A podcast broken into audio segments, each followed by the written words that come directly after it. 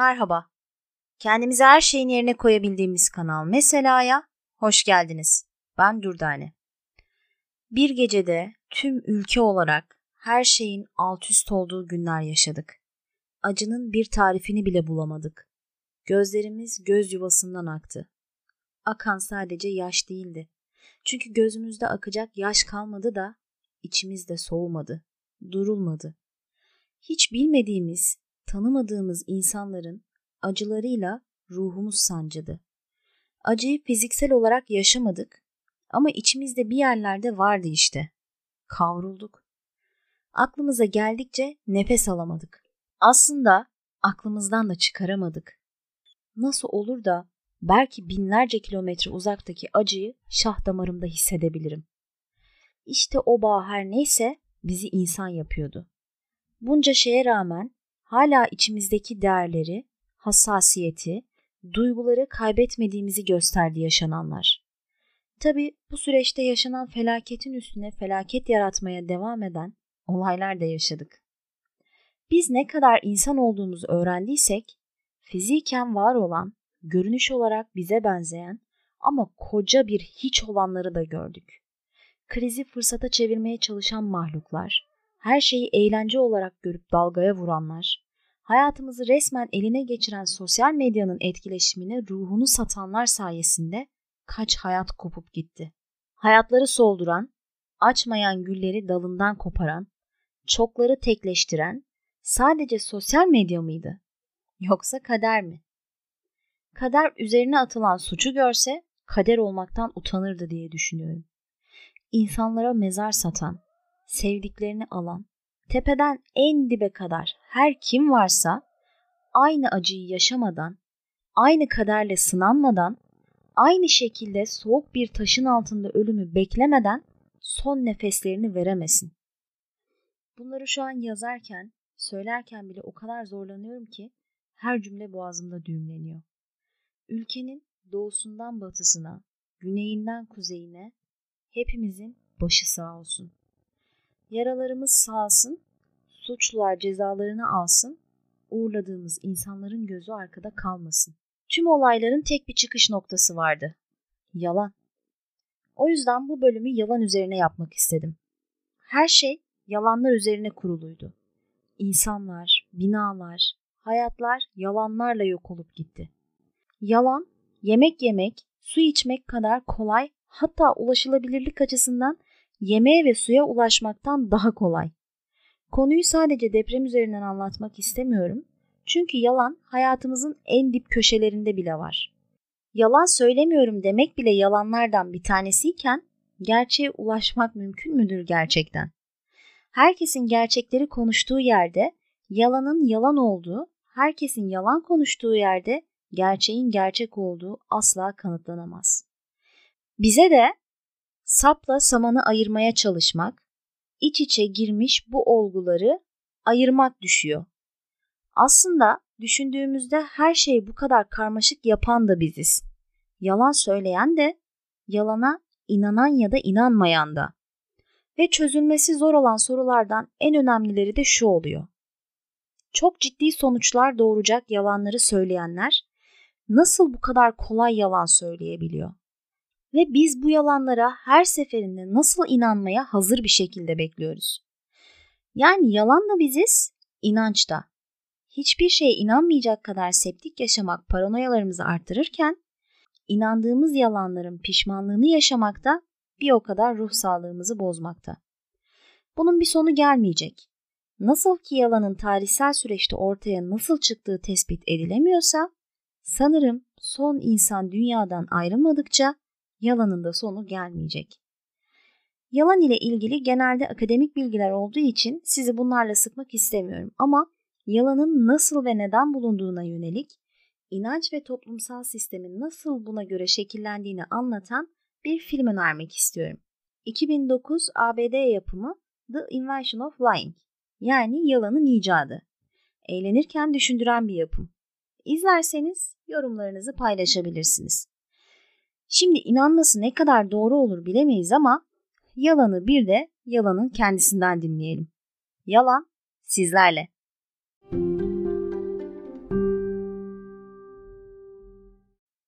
Beni biliyor musun? Kendini hiç benim yerime koydun mu? Ben. Yalan. Aslında beni çok iyi biliyorsun. Yemek içmek kadar doğallaştırdığınız, yoksunluğunu çekecek kadar bağlandığınız, üzerime tüm inançlarınızı kurduğunuz, yani bir nevi vazgeçilmeziniz. Bana hep öcü gözüyle bakıyorsunuz. Haklısınız da.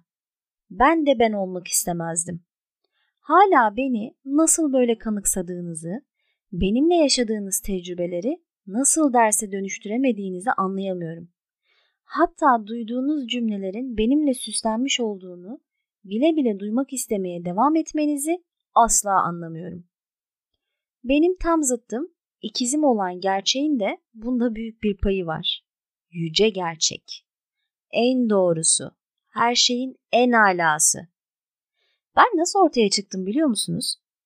Gerçeğin korkutucu yüzünü, zorluğunu göremeyenlerin icadıyım aslında. Her ne kadar içten, istenilen, tereddütsüz şeyler duymak, yaşamak isteseniz de bunları bilmenin kaldırılamaz yükünü benimle hafifletmek istediniz. Tahammül edemediğiniz gerçekleri benim arkama saklayıp yine gerçeği kahraman ilan ettiniz. Bana yalan dediniz, beni söyleyene yalancı. Aslında tüm eylemi gerçekleştiren yalancı iken eylemlerin maddesi ben olduğum için beni suçlu gördünüz. Yalancıyı affedip beni affedemediniz.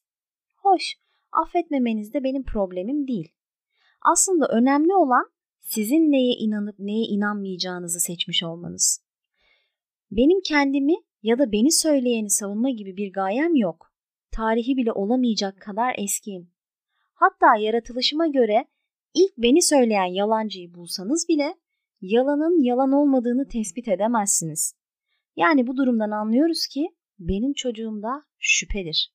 Ama şüphenin tek avantajı gerçek ve benim aramda bir köprü, bir yol olmasıdır.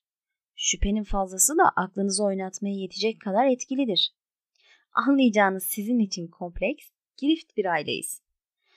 Burada iş tamamen size düşüyor. Beni de biliyorsunuz, gerçeği de. Bizi göremezsiniz, dokunamazsınız ama hissedebilirsiniz. Kelimelerinize nasıl yön verdiğimizi, hareketlerinizi nasıl değiştirdiğimizi bilirsiniz. Hatta benim üstüme binlerce makale, binlerce teori yazıldı. Biraz gerçek kadar egolu olsam kendimi öve öve bitiremezdim. Herkesin acımasızca doğruları konuştuğunu düşünün. Her şeyde salt gerçeklik var. Dümdüz, sert bir zemine çakılıyorsunuz. İnsanlar tüm olumsuz yönlerinizi size olduğu gibi söylüyor. Olumlu yönlerinizi de tabii. Ve asla bunlardan şüphe duymuyorsunuz. Çünkü ben yokum. Sadece gerçeğin olduğu yerde yalanın yalan olduğunu kim nasıl anlayabilir ki? Üstelik bendeki tek paradoks bu da değil. Bir de kandırmak var. Baktığınızda aynı gibi duruyoruz ama aynı değiliz.